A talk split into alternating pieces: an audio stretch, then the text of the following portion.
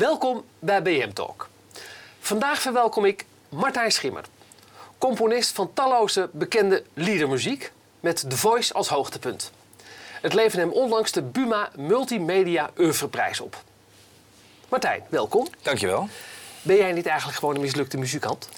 Uh, nou, misschien een mislukte popartiest. Dat wilde ik ooit worden toen ik 16 was. Toen dacht ik, ik ga, ik ga op het podium staan. Maar ik merkte wel vrij snel dat ik het toch wel heel fijn vond om achter mijn toetsenborden iets meer achter op het podium te staan. Uh, en dat dat heel erg op de voorgrond treden, dat dat toch niet zo mijn ding was. Dus uh, ik voel me eigenlijk heel erg thuis uh, in de rol die ik, die ik nu heb. Ja. Achter de schermen, lekker in de studio, maar wel gewoon mijn eigen ding doen. En dat, ja, dat is heel, heel fijn eigenlijk. Je zegt toetsenborden. Is, is uh, piano of toetsen ook je lievelingsinstrument? Nou, ik ben ooit begonnen met drummen als kind. Ja. Dat is mijn allereerste uh, ja, instrument. Dat had ik zelfs gebouwd zelfs, van de lege wastonnen van mijn moeder. En toen ik dat ding in gruzelementen had geslagen, toen uh, ben ik naar mijn ouders toe gegaan en zei... Goh, mag ik niet een echt ding, echt, echt drumstel kopen? Dat mocht toen. En uh, dat is mijn eerste uh, ervaring geweest met, uh, met muziek maken, musiceren.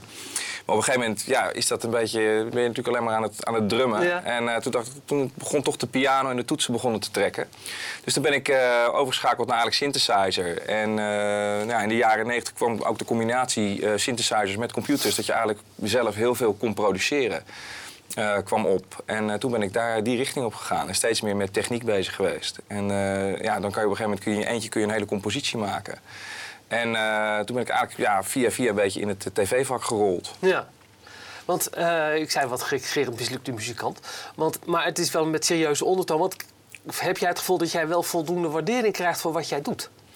Nou, met zo'n prijs heb ik wel het idee dat er dat nu wel, wel. waardering is. Ja. Ik merk het gelukkig ook aan de mensen voor wie ik werk. Hè, dus de klanten voor wie ja. ik werk, dat het gewaardeerd wordt. Uh, je voegt toch echt wat toe aan een programma of aan een, uh, aan een serie. Hè. We doen bijvoorbeeld uh, muziek voor Mokromafia of speelfilms. Nou, daar is ja. natuurlijk muziek waanzinnig belangrijk. Dus dat wordt gewaardeerd. Echt het televisievak, daar hoor je nog wel eens dat mensen zeggen... ja, een tuentje of een deuntje precies. of een, een dreuteltje. Dat vind ik op zich niet erg. je merkt gewoon dat, dat wat je uiteindelijk toe kan voegen aan het programma... Um, of aan een, uh, aan een aflevering, dat dat heel veel, uh, ja, heel veel waarde toevoegt en dat echt heel veel uh, emotie kan toevoegen. Ja, bijvoorbeeld. dus het ja. imago is wel verbeterd, denk jij, van, van, van liedermuziek? Ja. Zoals we het officieel nou, op het moment dat ik met een klant bezig ben en ze wel eens naar de studio komen en zien wat er allemaal bij komt kijken om het te maken, dan beseffen ze zich wel, oh, ik heb eigenlijk nooit stilgestaan dat, dat er zoveel bij komt kijken. En sommige mensen denken nog steeds dat ik met een laptop op mijn zolderkamer zit, zit te schrijven. Dan komen ze bij ons in de studio, waar, ja, waar zes grote preproductieruimtes zijn en één grote opnameruimte waar we ongeveer met 30 man een orkest kunnen opnemen. Dan beseffen ze Dat, wel dat er iets meer uh, bij komt kijken om, dat, uh, om dan te produceren. Dat begrijp ik. Dat begrijp ik. Ehm, heb jij zelf eigenlijk ook een voorbeeld? Iemand tegen wie je opkijkt? Uh, nou ja, ik heb, als je naar de grote Amerikaanse componisten kijkt, heb ik altijd uh, Jerry Goldsmith. Uh, dat is een, een, ja, een helaas inmiddels overleden componist van filmmuziek. John Williams is een bekende, ja. John Powell. Dus ik heb meer de, de Amerikaanse ja, mensen waarvan ik denk, nou, dat is echt waanzinnig wat ze daar doen. Ja. Uh, dan moet je ook wel natuurlijk begrijpen dat die met waanzinnige orkesten kunnen werken, met waanzinnige budgetten, met een heel groot team. Dan mocht ik mezelf ook wel gelukkig prijzen dat ik zelf ook met een heel groot team ja. werk. Uh, Hoe groot is dat team? Even. Uh, naast mij zes mensen die uh, produceren ja. en meeschrijven, maar ook mensen die inmiddels ja, gewoon planning regelen. Hè. Ik bedoel, ja. we hebben zoveel producties soms tegelijkertijd lopen. Dat varieert een beetje tussen de 10 en soms ook wel 30 producties met verschillende deadlines. Uh, en dat moet ook allemaal in de gaten worden Ja. gehouden. Dus ik heb ook iemand die echt planning doet. En die zegt, Martijn, nu, moet je hier naar Nu moet je luisteren. nu moet je dit nu doen, moet je- nu moet je de studio in. Nu moet je... ja. Nu moet je voor, voor Broadcast Media dus- Society dit ja, zeggen. dus die pakt precies. mij dan zo beter. En zegt, nou, nu dit, nu dat. Eh, dat is wel heel fijn. Dus ik, en ik, eh, het voordeel daarvan is dat ik me echt kan focussen op het creatieve. Eh. Ik denk twee, drie jaar geleden merkte ik van... ja, ik ben eigenlijk begin een beetje een soort manager te worden. En ik wil gewoon... eh, ik ben dit vak niet ingegaan om, eh, om, om te managen. Ik wil alleen op het creatief, inhoudelijke wil ik, eh, wil ik me, vlak wil ik me bemoeien. En dat gaat eigenlijk heel goed. Ja. Uh, daarnaast iemand die dan een beetje met mijn agenda beheert en die maar in mijn inbox kijkt van wat komt er allemaal binnen. Ja. Uh, dus dat, uh, ja, ik heb gaat- wel een beetje mijn eigen creatieve vrijheid weer terug, teruggekregen Ja, afgelopen jaar. Ja. Ja. Je hebt zelf het vak geleerd eh, van Hans van Eyck. Ja, dat klopt. Ja. ja. ja, daar ben ik, ik speelde vroeger eh, ook, eh, voordat ik in bandje speelde, speelde ik alleen op feestjes. En ik was een keer op een feestje waar hij was. Eh, en daar stond ik met mijn keyboard. Goedenavond, dames en heren. Mijn naam is Martijn Schimmer. Ik ga vanavond eh, de avond muzikaal inkleden. En eh, daar was Hans van Eyck. en die, daar werd ik aan voorgesteld. En die vertelde wat hij deed. Toen dacht ik, nou ja, je gaat toch eigenlijk gewoon echt... Je schrijft toch echte muziek? Je gaat geen tunes of jingles schrijven. Ik vond het toen nog een beetje snel. Ja, ja precies. En hij zei vanavond, kom maar eens een keertje kijken in de studio. Dus ben ik bij hem wezen kijken. En toen heb ik mijn eerste opdracht eigenlijk via hem gekregen. Die zei van, joh, er is een benefiet programma wat er aankomt. En er moet een song geschreven worden. Uh, wil jij dat dan doen? En dat was een liedje wat ik schreef voor uh, Gordon en Anita Meijer. Het leven begint bij een kind. Uh, en ja, dat was eigenlijk mijn eerste song. En toen ehm, werd dat geproduceerd in de studio waar Hans werkte. En tegelijkertijd werd daar ook het hele pakket, het muziekpakket voor dat programma werd gemaakt. Dus toen kwam ik in aanraking met wat er dan allemaal gemaakt moest worden. De leaders, de bumpers, de underscores, de opkomstmuziekjes. En toen dacht ik, ah, dat is eigenlijk wel heel leuk werk. Uh, dus toen ben ik er zo'n beetje erin gerold. Uh, ben ik me ja, eigenlijk dienstbaar gaan maken voor hem. in het begin alleen maar vuilnisbakken legen en zorgen dat de microfoons klaar stonden. En al vrij snel was ik zelf aan het componeren. in die tijd vrij veel Call TV. Dat kwam toen net op. Ja. Toen was Van de Ende, Joop van de Ende gestart met, zijn, met Call TV. Weet u welke kleur bal dit is? u kunt nu bellen. Dat soort, dat soort programma's. Moest natuurlijk ook allemaal muzikaal ingekleed worden. dus daar maakte ik muziek voor. En kwam ik ook in aanraking met heel veel jongere regisseurs. Want het was natuurlijk toch een soort ja, uh, speeltuin voor jonge televisiemakers. Uh, en ik ben eigenlijk met die mensen, veel van die mensen meegegroeid in mijn eigen vak. En die zijn natuurlijk ook allemaal ja, regisseurs die, die meer zijn gaan doen. En die, die bellen me nu nog steeds. Dus dat is een beetje hoe ik gestart ben. Dat is, wel, dat is wel leuk, ja, hoe dat dan begonnen is. Um, uh, en dat heeft uiteindelijk geleid tot, wat ik al zei, die, die Buma Multimedia Urfeprijs. Terwijl je, je bent pas 43. Ja, klopt. Ja. Uh, dan al een Urfeprijs. Je, je, je, zei van, ik beschouw het maar als een aanmoedigingsprijs. Ja, ik vond het een beetje vroeg natuurlijk. Ja. Zo'n ding krijg je volgens mij als je, als je 80 bent. Of dat je, dat je gewoon al, dat je soms niet meer actief bent. Dat je eigenlijk al gestopt bent met, uh, met werk. Maar ik, dus ik had zoiets, nou, ik vind het wel een hele eer. Ja. dus ik heb het inderdaad maar gezien als, als, oeuvre, als, als, als aanmoedigingsprijs. Want, want, om vooral door te gaan. Ja, precies. Want heb je als, als we het toch over aanmoediging hebben. Heb je nog een, een, enorme grote onvervulde ambitie? Waarvan je denkt, nou, dat zou ik nou toch wel eens dolhard willen Nou, ik denk dat er in Nederland nog steeds genoeg uitdagingen zijn. En nog steeds heel veel werk is. Uiteindelijk is de ambitie om misschien ook wat dingen in het buitenland te gaan doen. Dat hebben we twee jaar geleden al vrij veel gedaan voor de Bayerische Rundfunk. Daar hebben we heel veel, uh, dat is een uh, lokale zender, maar een uitzendgebied van, volgens mij bereiken zij 23 miljoen huishoudens. Dus best wel een serieuze zender. Daar hebben we nieuws voor gedaan, uh, dertigtal programma's, onder andere ook een zendervormgeving. Dus dat was eigenlijk best wel een hele leuke exercitie. Ja. En die hebben ons gevonden gewoon via internet. Dus die hebben gewoon gegoogeld. Die kwamen uiteindelijk bij RTL Nieuws, uh, wat ze hoorden. Dat vonden ze leuk. En toen hebben ze ons benaderd voor een internationale pitch. Een aantal mensen uit Engeland, een aantal mensen uit Duitsland en uh, wij dan vanuit Nederland. En die pitch hebben we toen gewonnen. Uh, en dat, daar hing gelijk aan vast dat we inderdaad uh, gewoon een aantal van hun programma's gingen doen. Ja. En dat is eigenlijk heel leuk en het werkte heel goed. Je moet wel even aan de cultuur wennen. Dus op het moment dat je zo'n uitstap naar Duitsland zou willen doen en je wilde echt gaan uh, gaan zitten, dan moet je er ook misschien wel een uh, vaste plek hebben, een, een studio hebben. Ja. En daar is taal heel belangrijk. Want dat merkte ik wel, dat als je natuurlijk uh, in het, in het Engels is dat wat makkelijker voor mij dan in het Duits. Ik spreek redelijk goed vakantieduits, zeg maar. Maar als je dan echt over emotie gaat praten, wat jullie bij muziek heb je het altijd over gevoel en emotie. Dan moet je misschien wel een lokaal iemand hebben die, dat, die de taal heel machtig is. Of ik moet daar misschien zelf nog iets meer in investeren. Maar dat is wel een ambitie die ik heb om wat meer die kant op te gaan. En daarnaast is Amerika natuurlijk de holy grail dus ik ben begin dit jaar ben ik, uh, heb ik een uh, trip gedaan naar LA en naar Miami. Waar ik wat contact heb opgedaan. Maar je merkt dat je die contacten ook wel weer moet. Hè, dan, als je dan terugkomt, denk je, nou, kom maar op met het werk. Maar je moet natuurlijk constant wat onderhouden. Uh, dus ik ga deze zomer ga ik ook weer terug. Om dat weer even diezelfde mensen weer een keertje te ontmoeten. Zodat ze wat vertrouwd raken met, met wie je bent en hoe je werkt. En wat ze daar heel belangrijk vinden is dat het rechten technisch ook allemaal uh, goed geregeld is. Dus ik heb daar nu een, een, agent zitten. En ze willen eigenlijk alleen maar met die erkende agenten werken. Omdat daar uh, ja, qua copyright uh, enorme risico's zijn op het moment dat je niet alles heel goed geregeld hebt. Want je hebt natuurlijk al een behoorlijk ingang met The Voice. Hè? Dat is ja. jouw magnum opus. Dat, dat is de, de, de binnenkomer. is jouw grote, jouw grote binnenkomer. Ja. En als ik dan met die agent ook rond, de, rond, rond, de studio's ga, dan is het enige wat ze roept constant is er maar dat. ja, dat is, ja, het is natuurlijk gewoon... Het is een goede binnenkomer. Het is een enorme binnenkomer. Maar vervolgens ja, maken we natuurlijk veel meer. Ja. Is, het, is het ook je pensioen? Ik weet niet of het Is met is- pensioen is. is. dat- het, is, het, je- is het, als we het hebben over rechten geregeld en is het dan, Nou ja, het dat is natuurlijk wel, dat is gelukkig met muziek eh, is dat goed geregeld. Eh, het draait volgens mij met de ready-mates in 180 landen Klopt. of zoiets, 160 ja, nee, landen. 180. Ik heb het van mij zelf Ja. net nog gehoord. Ja. Ja, dus, eh, en niet uit al die landen komt auteursrecht. Want Nee. er zijn natuurlijk landen waar dat gewoon heel slecht geregeld is. Gelukkig zijn er ook een aantal landen waar het wel goed geregeld is. Dan moet je er nog steeds wel zelf achteraan, want het komt niet vanzelf. Oké. Eh, maar ja, ik hoop dat het programma nog heel lang draait. En het is, voor mij is het wel... eh, mijn buitenlandafrekening van Buma Stemmer is de laatste jaren is- wel eh, prettiger geworden. Dat begrijp ik. Ja. Dat begrijp ik. Ja, want je en je doet veel meer. hè. We hebben het, eh, De Wereld Draait Door, Pauw, Nieuwsuur, Miljoenenjacht, Kassa, Hart van Nederland, Wokkelmafia, RTL Nieuws. Je noemde het zelf al.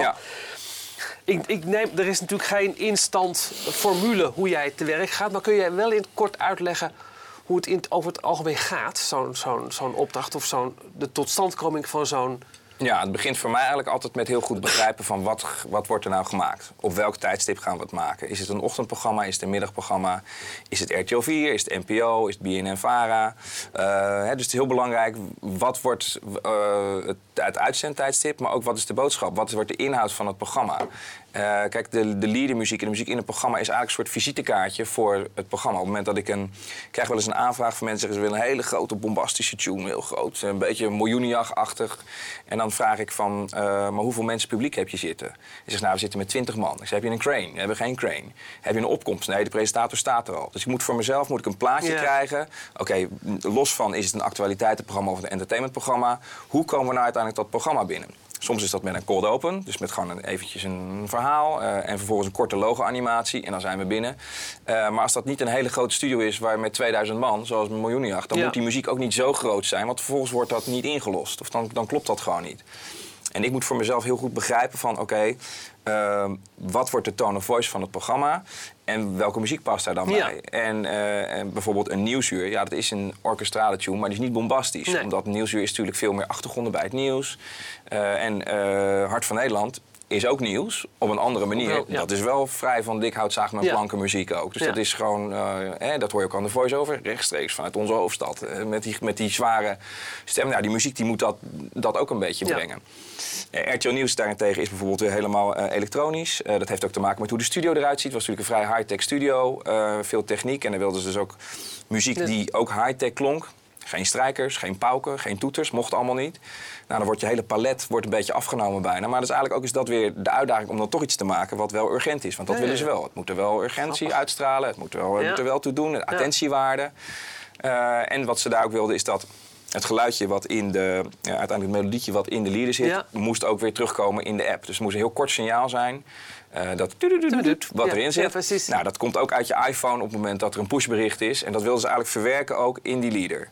Dus dat is dan weer een leuke, leuke puzzel. En voor mij is het eigenlijk steeds een puzzel. eh, Omdat- van ja, wat ja. moet het zijn en Ja. ook wat moet het niet zijn. Want dat is natuurlijk heel belangrijk. Wij moeten vaak natuurlijk toch proberen eh, in twee of drie keer raak te schieten Ja. met een opdracht. Ja. En er is zoveel eh, keuze. Je kan natuurlijk zoveel kanten op. dat ik op een gegeven moment ook moet trechteren. Want we moeten het wel allemaal maken. En je maakt iets en ze zeggen ze, nou, ik vind het niet leuk, doe nog maar een keer. Ja, Ja, dan ben je wel een dag kwijt Ja. of twee dagen kwijt. Weet je, dus je zegt wij. Nou ja, ik Zie je alles zelf? Of, of... Ik verzin veel zelf, Zelf? maar ik verzin ook niet Oh, alles zelf. Wat nee. ik doe is natuurlijk praten met een, met een opdrachtgever. Vervolgens pitch ik het intern. Ik schrijf een aantal dingen schrijf ik mee. Ligt ook aan wat er gevraagd wordt. Ik ben een hele slechte gitarist. Dus op het moment dat ze zeggen, ja, het moet eh, gitaar georiënteerd zijn... dan ga ik met een van onze gitaristen zitten. En dan zit ik zelf achter de toetsen. En dan zegt die gitarist, ja, maar als het op gitaar klinkt dat veel beter... als je het op die en die manier doet.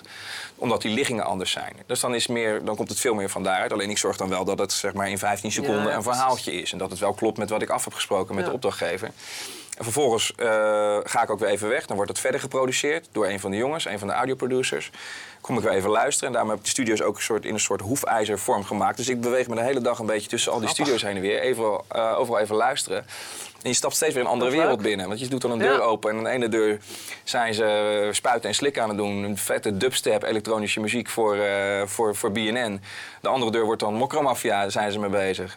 En eh het andere is dan om, om het programma voor Omroep Max. Ja, ja, ja, en, en En je stapt steeds dus een andere muzikale wereld leuk. Dat vind ik ook het leuke aan, het, aan het vak. Dat vroeg je in het begin van, ja, ben je niet een mislukte popmuzikant? Eh, als popmuzikant doe je natuurlijk heel vaak één ding. Doe je altijd gewoon dat ene wat je altijd maar... Hè, op een gegeven moment mensen kennen je van je vorige album. En het is heel fijn dat je op volgende album weer een beetje lijkt op het... want dat is wat je leuk vindt. Wat ik leuk vind, is dat wij steeds een muzikale wereld instappen. Dus de ene we zijn nu bijvoorbeeld met een grote big band tune bezig. Eh, we zijn bezig met een, eh, het hele jinglepakket voor Radio Rijnmond, een lokale zender. Nou ja, dan moet je dus goed snappen wat zij willen. Eh, en je stapt eigenlijk steeds een muzikale eh, wereld binnen. Eh, we hebben net de film van Johan Nijhuis gedaan. Verliefd op Cuba. Hebben we met een Cubaans bandje opgenomen. Echt een traditioneel eh, Buena Vista Social Club bandje. Is weer een hele andere wereld die je instapt. Gelukkig heb ik dan Mario die bij mij werkt. Die heeft eh, ooit flamenco gitaar gestudeerd. Dus we hebben ook liedjes geproduceerd voor die film. Nou, op een gegeven moment is zo'n project afgerond. Dat is dan in twee maanden is dat afgerond. En dan ga je weer een andere, een, een, een andere project doen. En Ja. lopen natuurlijk ook dingen tegelijkertijd. Dus het is echt nooit saai. Het is constant leuk. En we werken heel veel met sessiemuzikanten die naar de studio komen. Eh, ik programmeer dan vaak op mijn toetsenbord bijvoorbeeld een drumtrack. Nou, dan nodig Ja. je de drummer uit. Ik werk veel met Hans Eikenaar, een drummer van The Voice. Die zegt dan, ja, ik snap wat je bedoelt, maar laat mij maar eventjes. En die speelt en die denkt, ja, dat is te gek. Dat is natuurlijk veel, Ja. veel beter. Dus dat straalt natuurlijk ook weer af op het product wat wij leveren. Ja. En het is gewoon superleuk om met die mensen eh, bezig te zijn. Dus ik heb het idee dat ik de hele dag in een soort muzikale speeltuin zit. En, eh, en dat heb ik voor mij ook gezegd tijdens mijn, Ja. mijn speech nog. Ik ga er iedere dag naar mijn muzikale speeltuin met mijn muzikale vrienden. Gaan we gewoon leuke dingen maken. Ja. En natuurlijk is het ook wel eens eh, dat de dingen niet lukken en dat het er tegen zit. Maar over het algemeen is het gewoon waanzinnig leuk werk. Ja. En dan kom je s'avonds thuis, dan zet je tv en dan hoor je dat ding waar je dan de vorige week hard aan gewerkt hebt. Ik denk, nou, dat is toch wel heel, eh, heel gaaf. Ik snap. Eh, eh, Heb je ook een, een lieder of, of, of muziek waar je jaloers op bent die jij niet hebt gemaakt? Ehm, nou, ik had, maar daar ben ik gelukkig dus nog wel te jong voor. Ik had ooit Studiosport wel willen maken. Dat vind ik te gek. Dat vind ik echt een te gekke tune. Ik heb Nog steeds Een paar jaar geleden kwam ik eh, eh, Tony Eijk tegen die dat heeft gedaan. de meester, ja. En eh, die zei, "Maar Martijn Schimmer? Ja, ja. Die, ik weet niet, hij kende me ergens van of zoiets. En die zei, ja, die muziek van de wereld draait door met die blazers. Helemaal te gek. Dus dat vond ik Dus zelf wel een enorme eer. dat hij zei van, nou ja, weet je, dat is echt mijn, mijn voorbeeld. En in het buitenland, ja, Quincy Jones en dat soort mensen. Gewoon, als je ziet wat die hebben gedaan. Vanaf ja. Frank Sinatra, eh, op een gegeven moment de Red Pack, al dat soort dingen. En op een gegeven moment ook gewoon albums produceren voor, voor Jackson, weet je. eh. Off the Wall en dat soort dingen. Ja, dat is eh, zoveel musicaliteit. En, en over zo'n lange periode. Dat vind ik een Maar goed, je eigen oeuvre mag er ook zijn, Martijn. Dat Tuurlijk, hebben dat is ook leuk, hebben ja. we net vastgesteld. Nee. En eh, de muziektechniek schrijdt ook voort. Ja. Hè? Maakt dat het makkelijker of juist moeilijker voor jou? Nou, het maakt dat er veel concurrenten zijn voor ons. De laatste jaren zijn er steeds meer concurrenten. Kijk, toen ik startte eh, in de tijd van, eh, van, van Aalsmeer, zeg maar... toen had je echt nog een, een eh, wisseloord studio's nodig om een Ja. behoorlijke opname te kunnen doen. Ja, je kan tegenwoordig met een laptop kan je inderdaad toch wel heel ver komen. Kijk, een goede akoestische opname maken is moeilijk. Daar heb je ook goede microfoons, goede techniek voor nodig. Maar je kan al heel ver komen met, inderdaad, met een laptop tegenwoordig. Dat betekent dat wij wel meer concurrenten hebben. Dus dat we ook steeds beter ons best moeten blijven doen... Ja. om te zorgen dat we toch die meerwaarde blijven leveren. En ik denk dat ervaring daar ook wel in, in meespeelt. Maar dus het heeft het, wel, eh, ja, het heeft het wel wat ingewikkelder gemaakt. Aan de andere kant is het ook goed dat er altijd iemand aan je stoelpoten zit te zagen. En, eh, en ja, dan moeten we gewoon zorgen dat we, dat we goede dingen Dat blijven maken. En echte instrumenten zijn wat dat voor jou nog steeds wel waar het om gaat, hè? Nou, dat moet, het ligt aan of Ja. het nodig is. Want soms is de vraag echt puur een elektronische productie. Nou, dan heb je, niet dan heb je gewoon goede plugins, zoals dat dan heet. Goede, goede samples nodig. Ehm, maar als je iets opneemt eh, en je doet het met echte blazers of echte strijkers. Ik heb De Wereld Draait Door heb ik in 2005 geproduceerd. Opgenomen toen met een big Ja. band. Dat klinkt nog steeds goed. Het is nog steeds dezelfde opname. Ik heb hem één keertje geremixed, dus een, eh, een aanpassing. En dat moet natuurlijk steeds korter, dat is tegenwoordig ook. Kan, precies. kan er niet een stuk uit. Ja. Nou, dan moet je natuurlijk een, ja, een stuk uit je kind knippen, zo voelt Precies. het bijna. Dat, eh, maar die opname klinkt nog steeds goed vandaag de dag. Nog steeds de opname uit 2005. En dat was was niet met elektronische eh, eh, er zit wel wat elektronica in, maar de drums zijn echt, gitaren zijn echt, de blazers zijn echt. Eh, dus het is heel veel echt. En daarom klinkt het nu nog steeds goed. Als ik het toen met samples had gedaan, Was het... was het nu waarschijnlijk al lang gedateerd en had ik het al eh, veel meer moeten vervangen. Oké. Ja. Nou. Hey, ehm, heb je ook wel eens een opdracht geweigerd eigenlijk? Eh, ja, ik heb wel eens opdracht geweigerd, ja. ja. Er is ooit wel eens iets gevraagd eh, of ik iets richting opera wilde doen. En ik heb zelf eigenlijk de schurft aan opera. Daar heb ik gewoon niet zoveel mee. Dus ik dacht, ja, voor mij kan ik hier gewoon... Ga ik niet iets goeds maken? Nee. Eh, en moet gewoon nee zeggen. En, Oké. so- en soms, eh, eh, een tijdje geleden, toen was het gewoon te druk. Dus ja, je, je moet Ja. ook wel gewoon tijd ervoor hebben. En de briefing moet heel duidelijk zijn. Ja. Als de briefing echt all over the place is, dat gebeurt wel eens... Eh, maar het is meer dat je dan na vijf of zes keer dat je merkt, dan krijg je nu weer een nieuwe referentie. Eerst moet het dit zijn, dan, hè, dan krijg je een nieuwe referentie. Zeg je, nou, moet een beetje, dit gaat van klassiek naar dance naar, uh, naar, naar rock. Wat, wat willen jullie nou? En als ze dan zeggen, ja, het klopt niet, je hebt het niet goed gedaan. En vinden, ja, dat komt natuurlijk voor. Dan denk ik, nou, op een gegeven moment dan, dan is het misschien is het beter dat ik het niet doe. En dan kijk ik het programma wel eens terug. Vind ik altijd wel leuk wat ze dan hebben gekozen. En denk ik, oh, je bedoelde dat. Nou ja, dat is echt nog, nog nooit uh, duidelijk geworden. Nee. En dat zie ik wel voor mezelf als verantwoording. Om te zorgen dat ik goed die uitvraag doe. En dat ik goed in iemands hoofd kan kruipen. En dat vind ik dan ook een compliment. Dat mensen soms zeggen van, nee, ik weet niet wat, wat we hebben besproken met elkaar. Maar het is net of je in mijn hoofd hebt kunnen kijken. En dat heb gemaakt wat ik bedoelde. Okay. Nou, dat lukt niet altijd. Gelukkig meestal wel. Maar ik denk dat voor iedereen geldt dat je ja, ook van, uh, ja, van... Ik wil niet zeggen dat het fouten zijn, maar je moet gewoon goed die uitvraag doen. En als die uitvraag niet klopt of die is te vaag, dan is het moeilijk. Oké. Hey, leuk, leuk gesprek. Ja, nou, dankjewel. Informatief. ja. Ik heb weer heel wat opgestoken. Ja, ja. Dankjewel dat je mijn gast was. Graag gedaan. Oké. Tot zover BM Talk. Mijn volgende gast is voor uw vraag en voor mij nog veel meer. Tot de volgende keer.